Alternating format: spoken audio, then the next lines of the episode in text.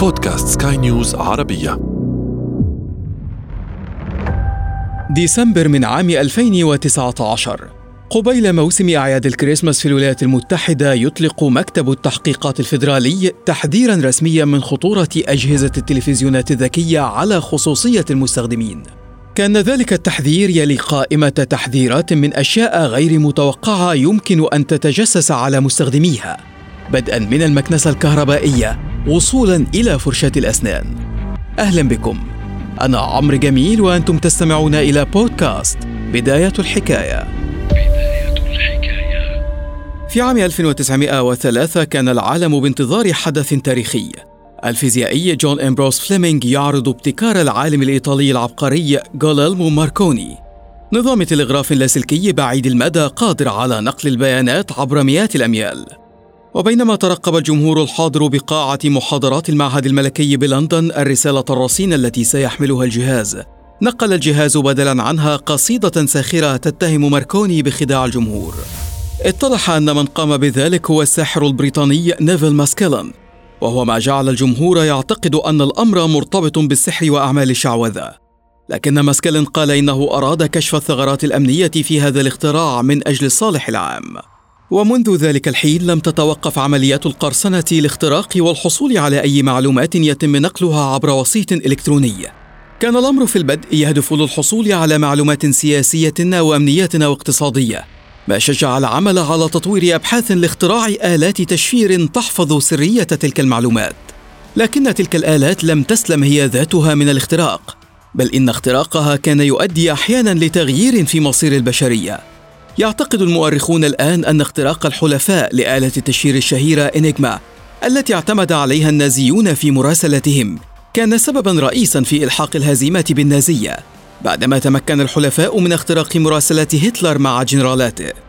لكن قيمة المعلومات لم تعد ترتبط بالمؤسسات الرسمية فحسب بعدما تحولت سوق البيانات الشخصية للمستخدمين العاديين إلى كعكة ضخمة تدر ملايين الدولارات وتثير شهية المخترقين.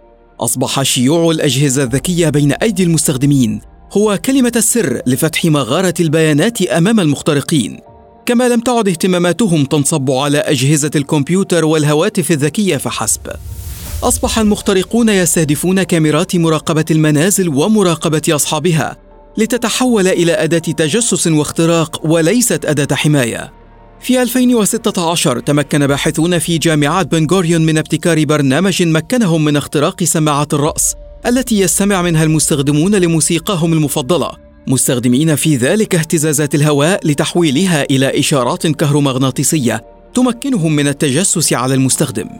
وفي ديسمبر من عام 2019 أطلق مكتب التحقيقات الفيدرالي تحذيرا رسميا من أن المتسللين يمكنهم التحكم في أجهزة التلفزيونات الذكية بدءا من تغيير القنوات واللعب بمستوى الصوت وصولا إلى التجسس صورة وصوتا على المستخدم حتى إن تم إطفاء الجهاز.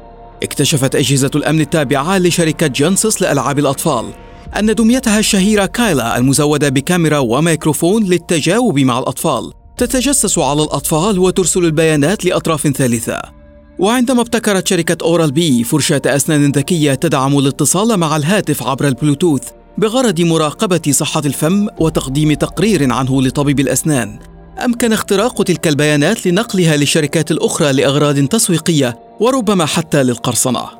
في عام 1903 حينما اخترق ماسكلين تلغراف ماركوني، اعتقد الحضور أن الأمر وراءه أعمال سحر وشعوذة. وبعد أكثر من قرن من ذلك التاريخ، ربما قد يكون من المنطقي التساؤل إذا كانت أعمال الشعوذة تقف وراءها أعمال الاختراقات والتكنولوجيا. ولإلقاء الضوء أكثر على هذا الموضوع يسعدني أن ينضم إلي في هذه الحلقة عمر سامي الخبير في أمن وتكنولوجيا المعلومات عمر أهلا بك معنا في هذه الحلقة أهلا وسهلا بك أهلا وسهلا عمر جهاز الكمبيوتر الهاتف المحمول التلفزيون الذكي سماعات الأذن فرشاة الأسنان ألعاب الأطفال ما الذي قد يتجسس علي بخلاف كل ذلك؟ بص خلينا نقسمها حاجتين. الحاجات اللي قلتها دلوقتي بتقع في شريحتين. شريحة اللي هي الأجهزة الإلكترونية اللي إحنا بنستعملها زي الكمبيوتر اللابتوب التلفزيون الذكي. وفي حاجة تانية اللي إحنا بنقول عليها الأجهزة المتصلة بإنترنت الأشياء. م. إنترنت الأشياء اللي هي اللي هي كل الأجهزة اللي موجودة في العالم اللي, اللي هتتوصل على الإنترنت مع الجيل الخامس للاتصالات. ودي بتشمل بقى حاجات كتيرة جدا. بتشمل المساعد المنزلي اللي هو بستخدمه إن أنا أفتح النور أفتح الستاير آه، أستخدم الغسالة غسالة الملابس اللي في البيت آه، يعني آه، كل الأجهزة المنزلية اللي ممكن تتوصل بعد كده بالإنترنت بحيث إنها كنوع من الرفاهية ونوع من تطور في الاستخدام أقدر أتعامل بيها عن بعد أشغلها عن بعد وفي نفس الوقت كل الحاجات بقى على مستوى الدول زي مثلا اشارات المرور زي أعمدة الإنارة اللي في الشارع هيتم توصيلها على الإنترنت بحيث المسؤولين يتحكموا في فتحها وغلقها. الآلات اللي موجودة في المصانع كل ده فكرة المدن الذكية. بص هو الجيل الخامس هو معمول عشان كده. هي نقلة كبيرة جدا للعالم إن هو كل حاجة في حياتنا هتتصل بالإنترنت. بحيث إن يتم التحكم فيها بشكل أفضل وإن كان لها محاذيرها اللي زي ما إحنا قلنا موضوع التجسس وموضوع يعني الاختراق الإلكتروني والحاجات دي.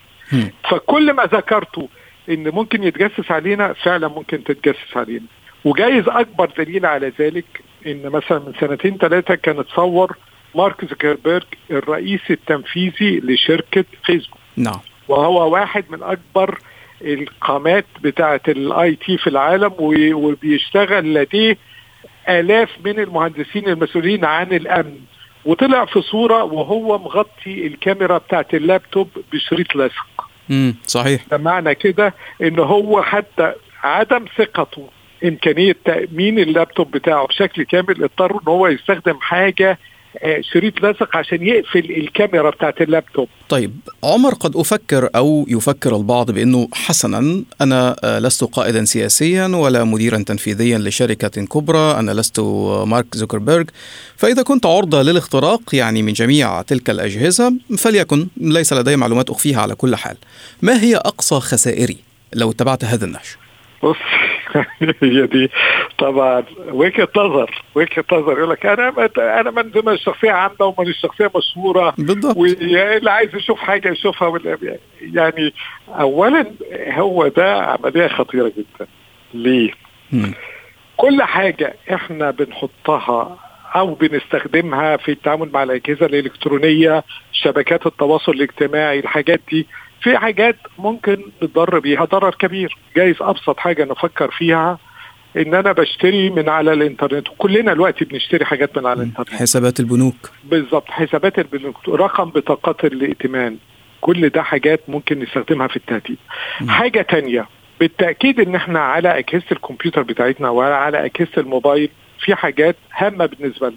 على سبيل المثال فيروس الفدية بيعمل إيه؟ بيقوم أما بيصيب واحد شخص عادي ويروح داخل على كذا الكمبيوتر بتاعه ومشفر كل الملفات اللي موجودة عنده ويقول له علشان أرجع لك الكمبيوتر زي ما كان والملفات زي ما كانت هتدفع لي مثلا بعملة البيتكوين ولا يعني مبلغ 200 دولار 300 دولار 400 دولار. لاسترداد الملفات. لاسترداد الملفات ودي لأشخاص عاديين. الحاجة الثانية بقى هي الجرائم الإلكترونية اللي إحنا بنسمع عنها في دولنا العربية بطريقة متزايدة كتير جدا من حد بيجيب صورة آه، شخص أو امرأة أو فتاة ويقوم بعملية تغيير يعني في جرائم كثيرة كثيرة بتحصل. الابتزاز وتشويه السمعة وخلافه. بالظبط كده. ودي منتشرة كتير جدا في المنطقة العربية بالذات نتيجة لإساءة استخدامنا لو لو جاز هذا التعبير لشبكة الفيسبوك بوجه خاص. هذه هي النقطة المهمة. إذا كنت أنا محاطا بالفعل بكل هذه الأجهزة ولا أستطيع التخلي عنها لأني لن أعود للعيش في عالم ما قبل الكمبيوتر أو الإنترنت وفي نفس الوقت لا أرغب أن يتم استغلالي أو انتهاك خصوصيتي. ماذا علي أن أفعل؟ يعني في حاجات مهمة جدا آه، يجب أن إحنا نفكر فيها. أول حاجة أن التطبيقات اللي إحنا بننزلها على الموبايل على سبيل المثال مش أي تطبيق أنزله أسمح له باستخدام الكاميرا والميكروفون. إذا كان لا داعي لهذا الموضوع. إحنا عادة أما تطلع الإشارة دي من نظام التشغيل بتاع الموبايل بتاع الهاتف الجوال يقول لي هل بتسمح للتطبيق ده إن هو يستخدم الميكروفون؟ أوتوماتيكلي وافق 90% منا بيدوس وافق ولا بيقرأ حتى ما حدش بيقرأ اللي بيطلع إيه. لكن ما هو عمليا عمر أحيانا لا نملك لا الوقت والأهم لا نملك المعرفة الدقيقة بالتفاصيل المكتوبة في كل تطبيق والموافقات التي يجب علي أن أوافق عليها أو أرفضها. كمستخدم بسيط ما الذي يجب علي فعله؟ بص هقول لك على حاجة يعني عملية الخصوصية أنا ما بقولش للناس تقرأ رخصة استخدام التطبيق لأن دي عملية معقدة جدا ومحدش بيعملها. بس على الأقل نبذل مجهود في قراية الرسائل اللي بتطلع لي على الكمبيوتر أو على الموبايل الرسائل اللي بتطلع لي. فدي دي مهمة جدا. الحاجة الهامة الثانية وخاصة معلش أنا هركز على الشبكات التواصل الاجتماعي بشكل خاص وخاصة الفيسبوك. لازم إن أنا أفتح اختيارات الخصوصية بتاعه الفيسبوك واختار منها الحاجات اللي أنا لازم أحددها. على سبيل المثال البوستات اللي أنا بحطها على الفيسبوك مين يشوفها؟ هل الأصدقاء؟ هل كل الناس؟ هل كل حاجة أحطها على الفيسبوك تبقى متاحة لأي حد ولا الاصدقائي للعائلة؟ يعني لازم عملية الخصوصية على الفيسبوك.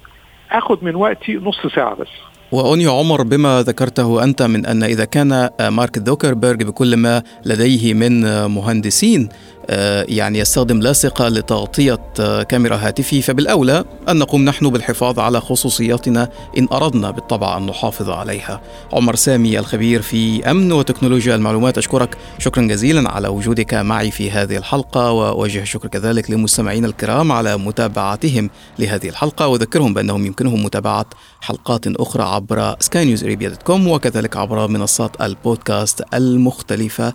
هاشتاج بداية الحكاية. شكرا جزيلا على حسن المتابعة. هذه تحياتي عمرو جميل. ألقاكم في الحلقة المقبلة. بداية الحكاية.